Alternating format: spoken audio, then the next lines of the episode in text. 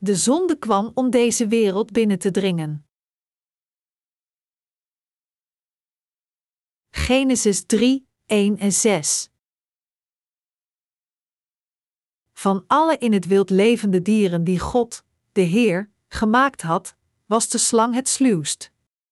Dit dier vroeg aan de vrouw: Is het waar dat God gezegd heeft dat jullie van geen enkele boom in de tuin mogen eten? We mogen de vruchten van alle bomen eten, antwoordde de vrouw, behalve die van de boom in het midden van de tuin. God heeft ons verboden van de vruchten van die boom te eten of ze zelfs maar aan te raken. Doen we dat toch, dan zullen we sterven. Jullie zullen helemaal niet sterven, zei de slang. Integendeel, God weet dat jullie de ogen zullen opengaan zodra je daarvan eet, dat jullie dan als goden zullen zijn en kennis zullen hebben van goed en kwaad. De vrouw keek naar de boom. Zijn vruchten zagen er heerlijk uit, ze waren een lust voor het oog, en ze vond het aanlokkelijk dat de boom haar wijsheid zou schenken. Ze plukte een paar vruchten en at ervan. Ze gaf ook wat aan haar man, die bij haar was, en ook hij at ervan. Bestaat Satan echt? Door hoofdstuk 3 in het boek van Genesis vertelt God ons dat Satan bestaat, en dat toen Satan de mens verleidde en misleidde, de duivel voorkwam dat hij in God ging geloven en liet hem vervallen aan de zonde, zo de zonde in de harten van de mensheid introducerend. Als we hoofdstuk 1 en 2 van Genesis lezen, dan zien we hoe God ieder dier volgens zijn eigen soort maakte, maar het zegt niet dat God Satan maakte, nog zegt het dat God engelen maakte. Echter, als we bij hoofdstuk 3 komen, dan spreekt dit over de slang en we kunnen zien hoe de slang Adam en Eva leidt om het woord van God ongehoorzaam te worden en het fruit van de boom van de kennis van goed en kwaad eet. Op dat moment maken we kennis met de duivel, die werkt door tegen God in te gaan. Er staat geschreven: Dit dier vroeg aan de vrouw: Is het waar dat God gezegd heeft dat jullie van geen enkele boom in de tuin mogen eten? Ziend wat de slang heeft gedaan, kunnen we zien hoe de duivel een bepaald schepsel gebruikte behorend tot de schepping van God om zijn wil te vervullen. Anders gezegd, net zoals God het evangelie door ons verspreidt, zo staat Satan tegen God door zijn werktuigen, door diegenen die bereidwillig zijn woorden gehoorzamen. In Genesis 2 uur 17 heeft God gezegd: Maar niet van de boom van de kennis van goed en kwaad, wanneer je daarvan eet, zul je onherroepelijk sterven. Als we dit woord vergelijken met wat Satan zei tegen Eva, dan kunnen we de trucjes van Satan zien die haar Gods bevel ongehoorzaam liet worden. Satan zei tegen Eva: Heeft God inderdaad gezegd: Jullie mogen niet eten van iedere boom in de tuin? Heeft God dit inderdaad gezegd? Na al de fruitbomen in de tuin van Eden gemaakt te hebben, heeft God Adam en Eva verteld niet te eten van de vruchten van iedere boom, of vertelde hij hen niet het fruit van de boom van de kennis van goed en kwaad te eten? Hij verbood hen niet het fruit van de boom van de kennis van goed en kwaad te eten. In tegenstelling, Satan zei tegen Eva: Heeft God inderdaad gezegd: Jullie mogen niet eten van iedere boom in de tuin? Hier kunnen we trucjes van de duivel zien. De duivel misbruikt op slinkse wijze het woord van God als een manier om zijn vergif in de mensen te injecteren. Anders gezegd, door kleine veranderingen aan het woord van God toe te voegen of door er wat van weg te laten, voorkomt Satan uiteindelijk dat de mensen gaan geloven in Gods woord.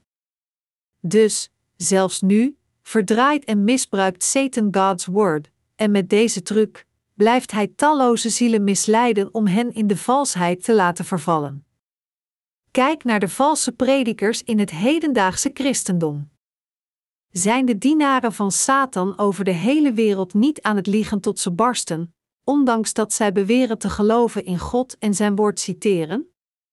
Als het Calvinisme dergelijke doctrines, zoals de doctrine van de voorbestemming, de doctrine van de verkiezing, de doctrine van de rechtvaardiging, enzovoort, voorlegt, dan maken zij hun argumenten door de Bijbel te citeren en niet door er blindelings op aan te dringen.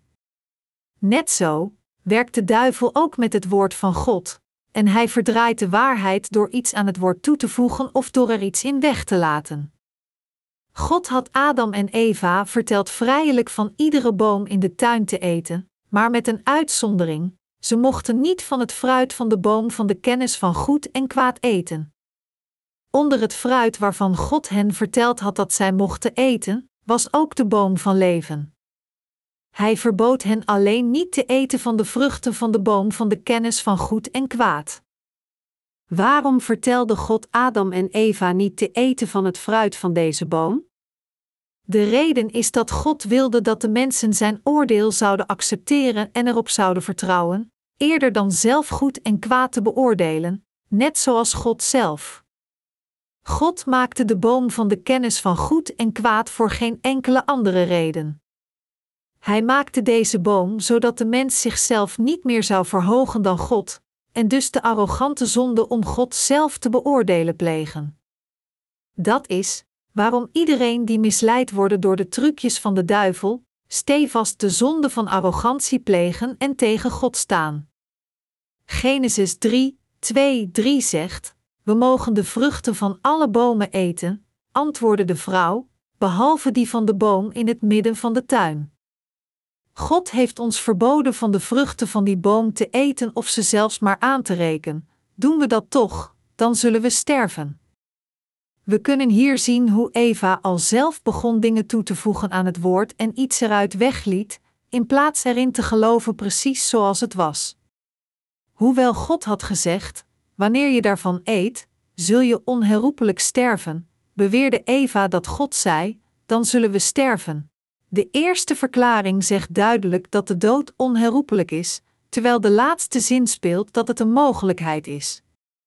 Bovendien specificeerde God de verboden boom duidelijk als de boom van de kennis van goed en kwaad in het midden van de tuin, maar Eva beschrijft hem globaal als de boom die in het midden van de tuin staat, te kennen gevend dat zij niet geloofde in het woord met heel hun hart. Ze zei dit ondanks dat de boom van leven ook in het midden van de tuin stond.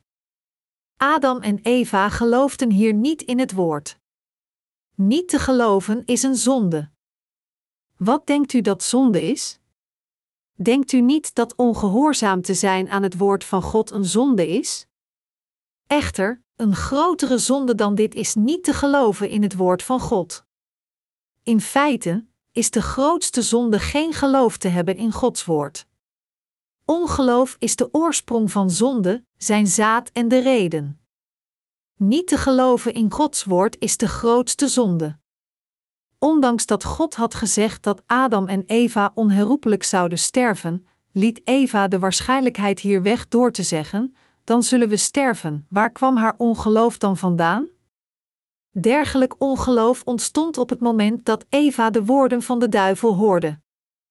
Toen Satan haar vroeg: Heeft God inderdaad gezegd dat jullie niet van iedere boom in de tuin mogen eten? Toen was Eva's verstand al aan het wankelen, en dus antwoordde zij: God zei: Dan zullen we sterven.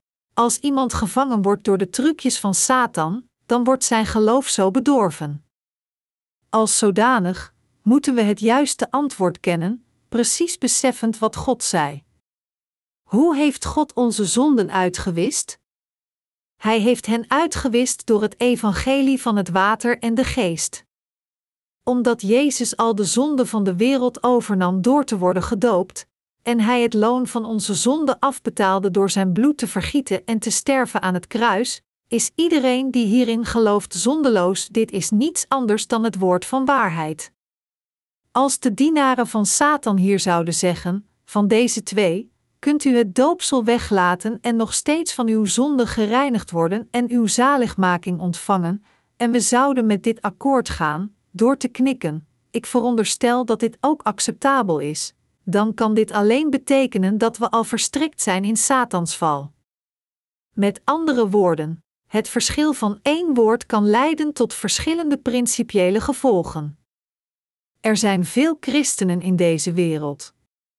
En ze zeggen alle dat de mensen naar de hemel gaan als zij in Jezus geloven, en zij beleiden alle te geloven in Jezus als hun verlosser. Hoewel iedere christen dit zegt en zo gelooft, wat zou er gebeuren als iemand niet erkent dat zijn zonden werden doorgegeven aan Jezus toen hij werd gedoopt? Als een christen alleen gelooft in het bloed van het kruis, dan wordt hij uiteindelijk in de hel gegooid. Dat is omdat hij niet gelooft in datgene wat de Heer voor hem heeft gedaan. Een dergelijk persoon pleegt dezelfde zonde als Eva pleegde toen Satan haar in verzoeking bracht.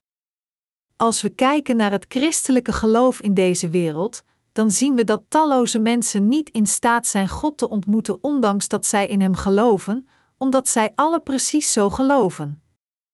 Daarom is het zo belangrijk naar welke woorden u luistert. Als u naar Gods kerk komt, zult u het woord van God horen en dit woord verspreiden. Maar als u naar een kerk gaat dat niet het ware woord van God predikt, maar alleen iets dat erop lijkt, dan zullen uw zielen vergaan. Als Gods kerk een vals evangelie zou prediken in plaats van het evangelie van het water en de geest, dan zal iedereen in de kerk zijn geloof zien sterven. Dat is waarom niet te geloven in Gods woord een grote zonde is. Hoe zit het met ons? Geloven u en ik met heel ons hart in het woord van God? Niet te geloven in het woord van God is een zonde. Het is niet omdat we in het bijzonder gruwelijke zonde plegen dat wij naar de hel worden gestuurd, maar het is omdat we niet geloven in Gods woord dat wij uiteindelijk de zonde plegen die ons naar de hel stuurt. Het evangelie van het water en de geest te bespotten is te lasteren tegen de Heilige Geest. Hebreeën 10, 26, 29. Door het woord moeten we in staat zijn te beseffen hoe Satan de mensen heeft misleid en hoe hij hen vernietigt. Als mensen het evangelie van het water en de geest tegenkomen, dan redeneren zij er tegen, zeggend: Iedere christen beleidt dat Jezus zijn verlosser is, zelfs als hij alleen gelooft in het bloed van het kruis. Dus, betekent dit dat al deze talloze christenen zeker naar de hel zullen gaan? Gezien de geschiedenis van het christendom dat zich over meer dan 2000 jaar uitspreidt, wanneer werd dit zogenaamde evangelie van het water en de geest precies gepredikt? Het evangelie van het water en de geest is het ware evangelie volbracht door Jezus. De apostelen en leerlingen predikten precies dit evangelie. Echter, toen de vroege kerkperiode voorbij was, dat wil zeggen toen het christendom het tijdperk van de kerkvaders inging, verdwenen de predikers van het evangelie van het water en de geest. In de periode sinds de komst van Jezus tot 313 en CHR, toen het edict van Milaan werd ingevoerd, was het ware evangelie er nog en werd in leven gehouden, maar hierna verdween het.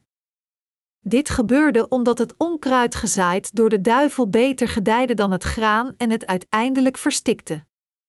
Het is omdat de duivel voorkwam dat de mensen gingen geloven in Gods woord van de gehele waarheid dat een dergelijk resultaat tegenwoordig wordt verwezenlijkt.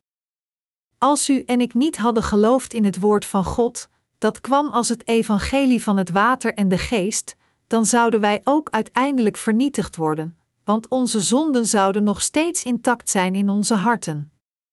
Maar gelukkig geloofden u en ik in het evangelische woord van het water en de geest, en daardoor zijn wij in staat de vergeving van onze zonden te ontvangen, als ook te genieten van het eeuwige leven. Voor dit geef ik heel mijn dankbaarheid aan God.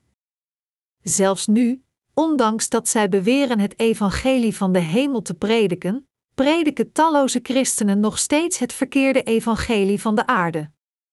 Bijvoorbeeld, Jehovah's getuigen zeggen dat wij alleen moeten geloven in Jehovah, sinds Hij alleen God is, en dat Jezus niet God is. Maar dit zijn niets meer dan de woorden van de duivel. De Presbyteriaanse kerk, van de andere kant, is een gezinte die gebaseerd is op het Calvinisme, dat geen enkele aandacht geeft aan het doopsel dat Jezus ontving van Johannes, nog geloven zij hierin. De reden waarom de aanhangers van dergelijke gezinten het evangelie van het water en de geest niet accepteren als wij dit aan hen prediken is, omdat Satan hun harten al heeft verward met dit valse evangelie. Maar toch, u moet dit bedrieglijke geloof van de christenen nu corrigeren.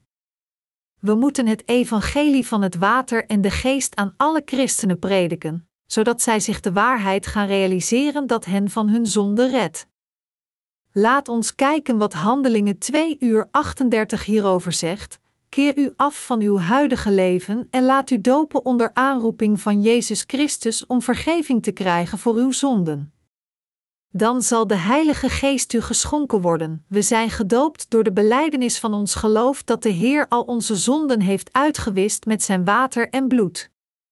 Het is als we de vergeving van onze zonden ontvangen dat wij ook het geschenk van de Heilige Geest ontvangen. Het maakt niet uit of u alleen als een ritueel gedoopt bent of niet. Wat belangrijk is, is dat alleen door te geloven in het evangelie van het water en de geest u de vergeving van zonde van God kunt ontvangen. En zelfs als u niet lichamelijk gedoopt bent, als u gelooft in het evangelie van het water en de geest, dan hebt u de vergeving van uw zonde ontvangen. Het is alleen om ons geloof in het evangelie van het water en de geest te beleiden dat wij gedoopt worden. Echter, de duivel misleidt christenen door te zeggen dat zij automatisch de vergeving van hun zonde ontvangen door berouw te hebben en het doopsel te ontvangen. De lissen van de duivel zijn uitermate geslepen. Zelfs de Bijbelse geleerden kunnen zijn intriges niet doorzien. Dat is omdat zij al misleid zijn geworden door de intriges van de duivel. Daarom, als u en ik doorgaan met onze levens in deze wereld, tenzij wij zelf het evangelie van het water en de geest prediken en Satans plannetjes openbaren, zullen talloze mensen niet in staat te transformeren. We moeten uitzoeken hoe de hedendaagse christenen worden misleid en dit aan hen uitleggen. Als we het evangelische woord van het water en de geest alleen als een doctrine beschouwen en falen het aan anderen uit te leggen, dan kan er geen voordeel in zijn. Dat is waarom ik altijd het woord van God ontrafelen en uitleg wanneer ik predik. Het probleem voor veel mensen is dat hun harten geen angst hebben voor God. Dus in plaats van te geloven volgens het woord van God, interpreteren zij het woord volgens hun eigen mening, en dientengevolge eindigt hun geloof in nutteloosheid. Dit is omdat mensen niet geloven volgens het ware evangelie geleerd door het woord van God, dat wil zeggen, het evangelie van het water en de geest, dat er zonden in hun harten zitten, en omdat er zonden zitten in hun harten hebben zij de Heilige Geest niet, en lijden in plaats daarvan zoveel. Waarom heeft God hier dan geschreven over de intriges van Satan in het boek van Genesis? Dit heeft Hij gedaan om ons iets te leren. Om te voorkomen dat de mensheid zo in het woord zou gaan geloven, voegde Satan er iets aan toe en slash of liet er iets uit weg. Dit is hoe het ongeloof gevestigd werd in de harten van de mensen, en hierdoor vervielen zij aan de zonde, en dientengevolge leiden zij, nu gebonden om naar de hel te gaan, door ons deze les te leren, inspireert God ons te beseffen dat we het evangelie van het water en de geest moeten prediken volgens het woord. Daarom, tenzij we het woord van God vers na vers leren, kunnen we de duivel niet overwinnen, want we kennen zijn intriges niet. Dat is waarom wij zelf de evangelische waarheid van het water en de geest moeten kennen en erin moeten geloven, pas dan kunnen wij ontdekken hoe anderen worden misleid. Sommige mensen denken: moeten we dan niet feitelijk bij deze gelovigen zijn om te onderzoeken waar zij in geloven?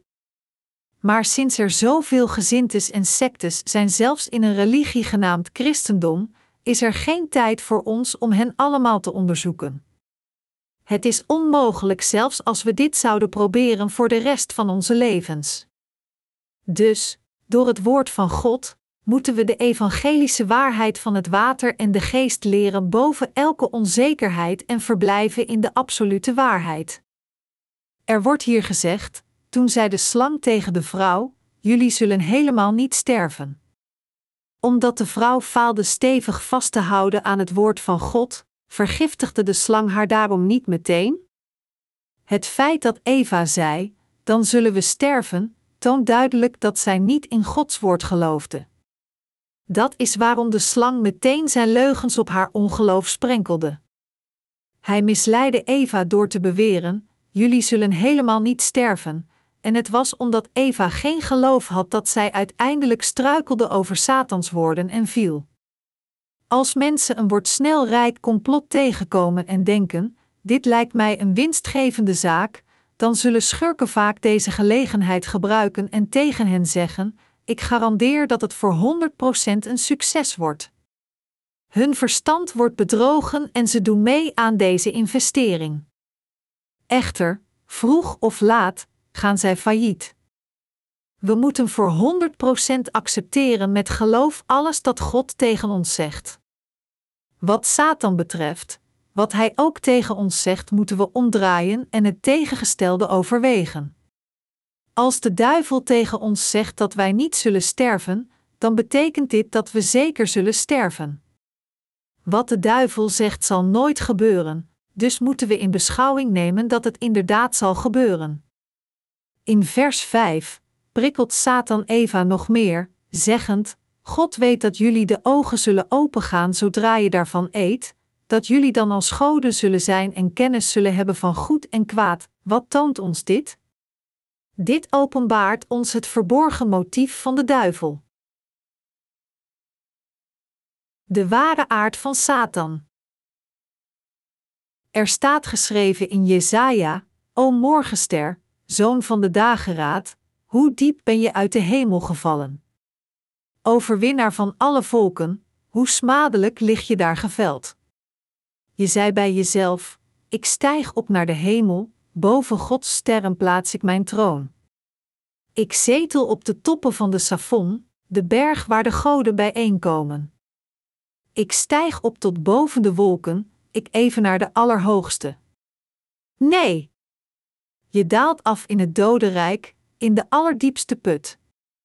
Ze zien je, ze kijken naar je en kijken nog eens goed naar je. Is dit de man die de aarde deed beven en koninkrijken deed sidderen? Die het land tot verval bracht en steden verwoestte? Die zijn gevangenen nooit liet gaan? Jesaja 14, 12, 17 Er wordt hier gezegd dat een engel genaamd Lucifer, zoon van de morgen, uit de hemel viel. De reden hiervoor wordt uitgelegd in Jesaja 14 uur 13 dat zegt: Je zei bij jezelf: Ik stijg op naar de hemel, boven Gods sterren plaats ik mijn troon. Ik zetel op de toppen van de Safon, de berg waar de goden bijeenkomen. Met andere woorden, er was een engel die God diende als zijn secretaris in het hemelse domein, maar in zijn arrogantie zweerde deze engel samen met andere engelen en daagden God uit. Hij deed dit om Gods plaats in te nemen. En dient gevolgen werd hij uit de hemel gegooid en verdreven naar de aarde, en hij werd Satan het hoofd van alle slechte geesten. Wat is het achterliggende motief van de duivel geopenbaard in Genesis hoofdstuk 3, waar hij Adam en Eva misleidt? Het doel van de duivel was toen om zoals God te worden.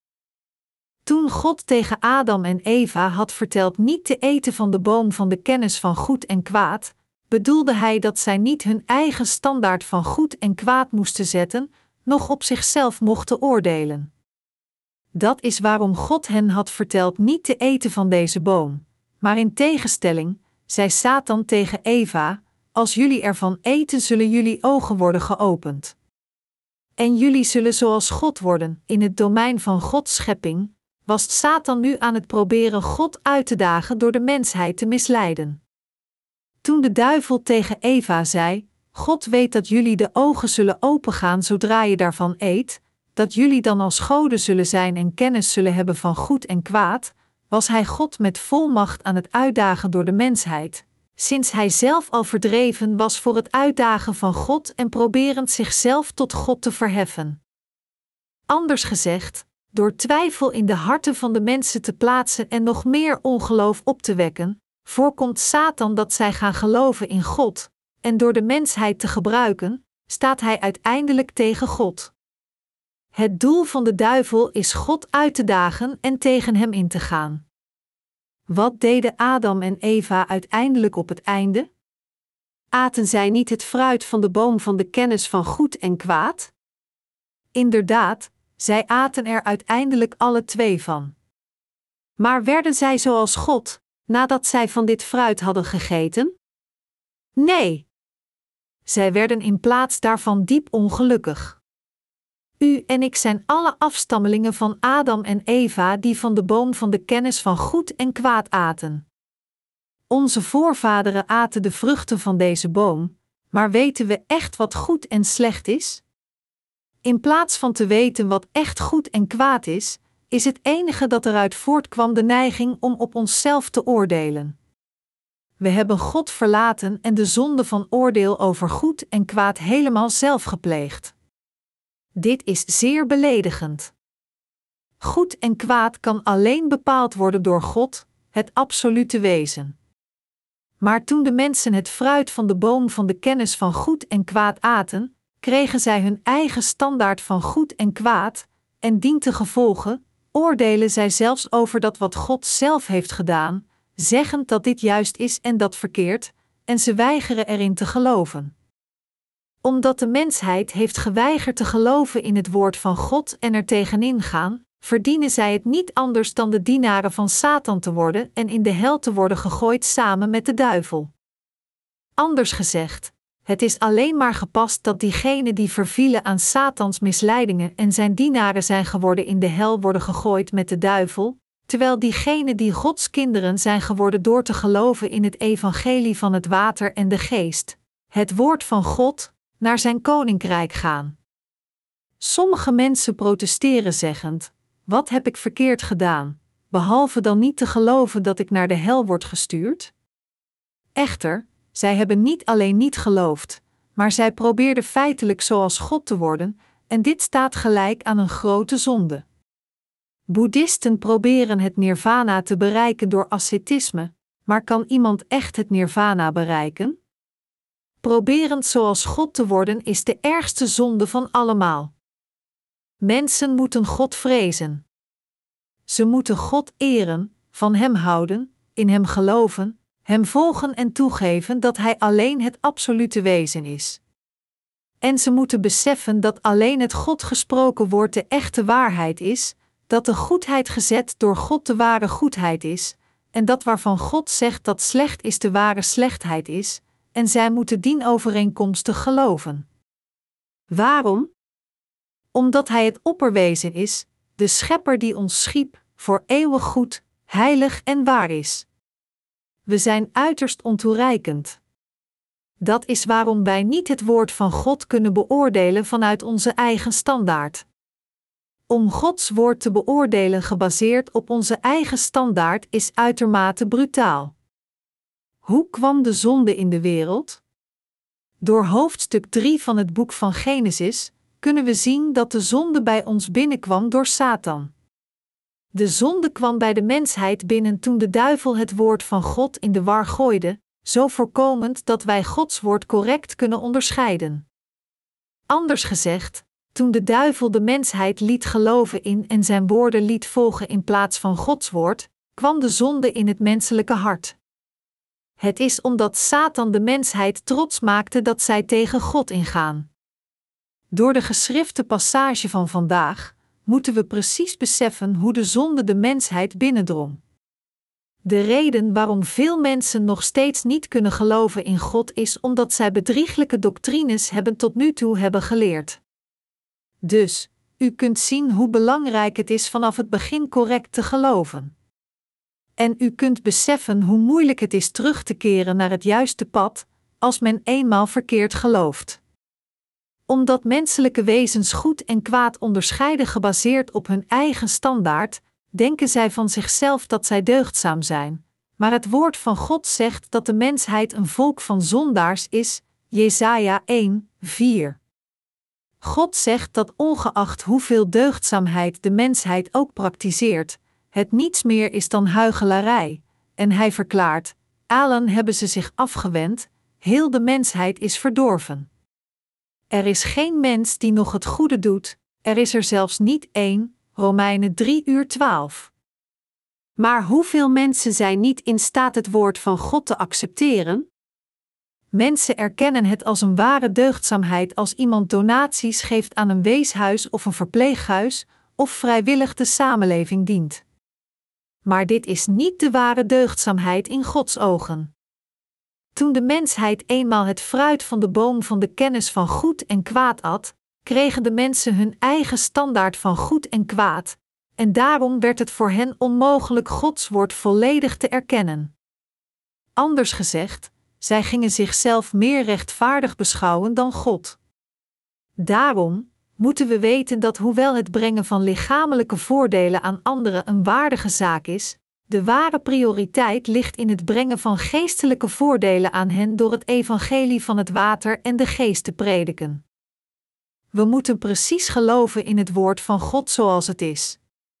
De geschrifte passage van vandaag zegt tegen ons dan eerder te worden overweldigd door onze eigen emoties en onze eigen gedachten aan het woord toe te voegen of door er iets uit weg te laten.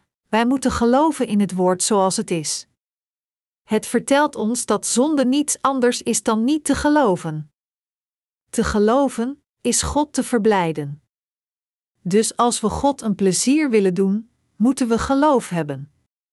Zoals de Bijbel zegt, zonder geloof is het onmogelijk God vreugde te geven. Hebreeën 11, 6. Te geloven in het woord van God is God plezier te doen.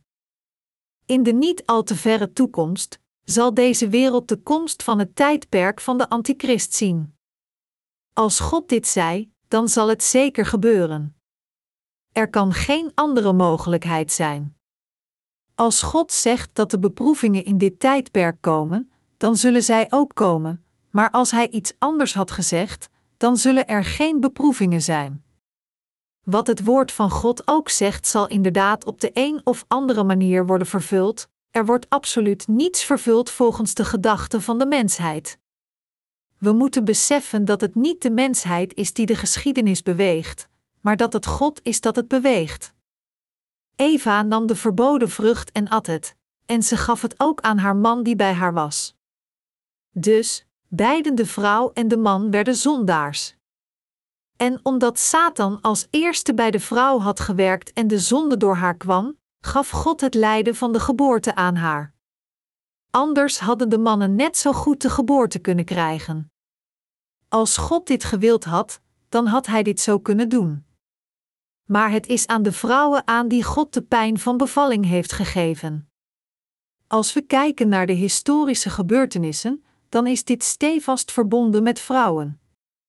Dit betekent natuurlijk niet dat mannen er niet bij betrokken waren. Iemand zei: Het is de man die de wereld controleert, maar het is de vrouw die de man controleert. Satan richtte zich als eerste op een vrouw. Dit betekent dat vrouwen bepaalde zwakheden hebben, waardoor het gemakkelijker is voor Satan om hen te bewerken dan mannen. Het is altijd door de zwakken dat Satan de verleidingen brengt.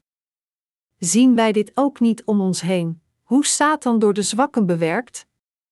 De zwakheid verwijst hier niet naar het lichaam, maar het verwijst naar de zwakheid van het geloof, naar het verstand dat de kracht mist om de lust van de mensheid te overwinnen, dat meer zoekt naar de lust van het vlees dan naar de Heilige Geest. We moeten een duidelijk begrip hebben over de manier waarop de duivel werkt. Anders gezegd, de duivel werkt door diegene van wie het geloof zwak is, terwijl God door diegene werkt die in zijn woord geloven.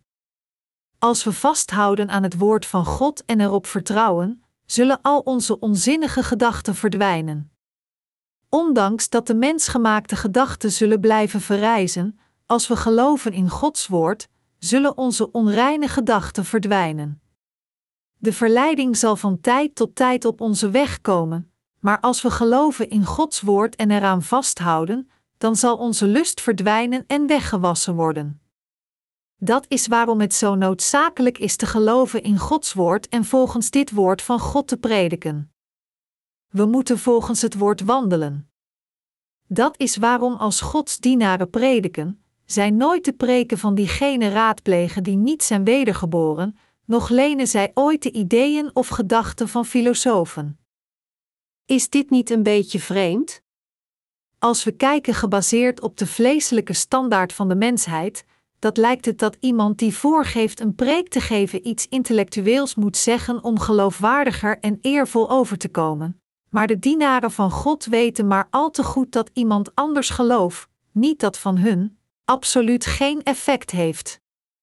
Om in het domein van God te praten over de kennis van de mensheid, filosofie of logica is bijzonder lachwekkend.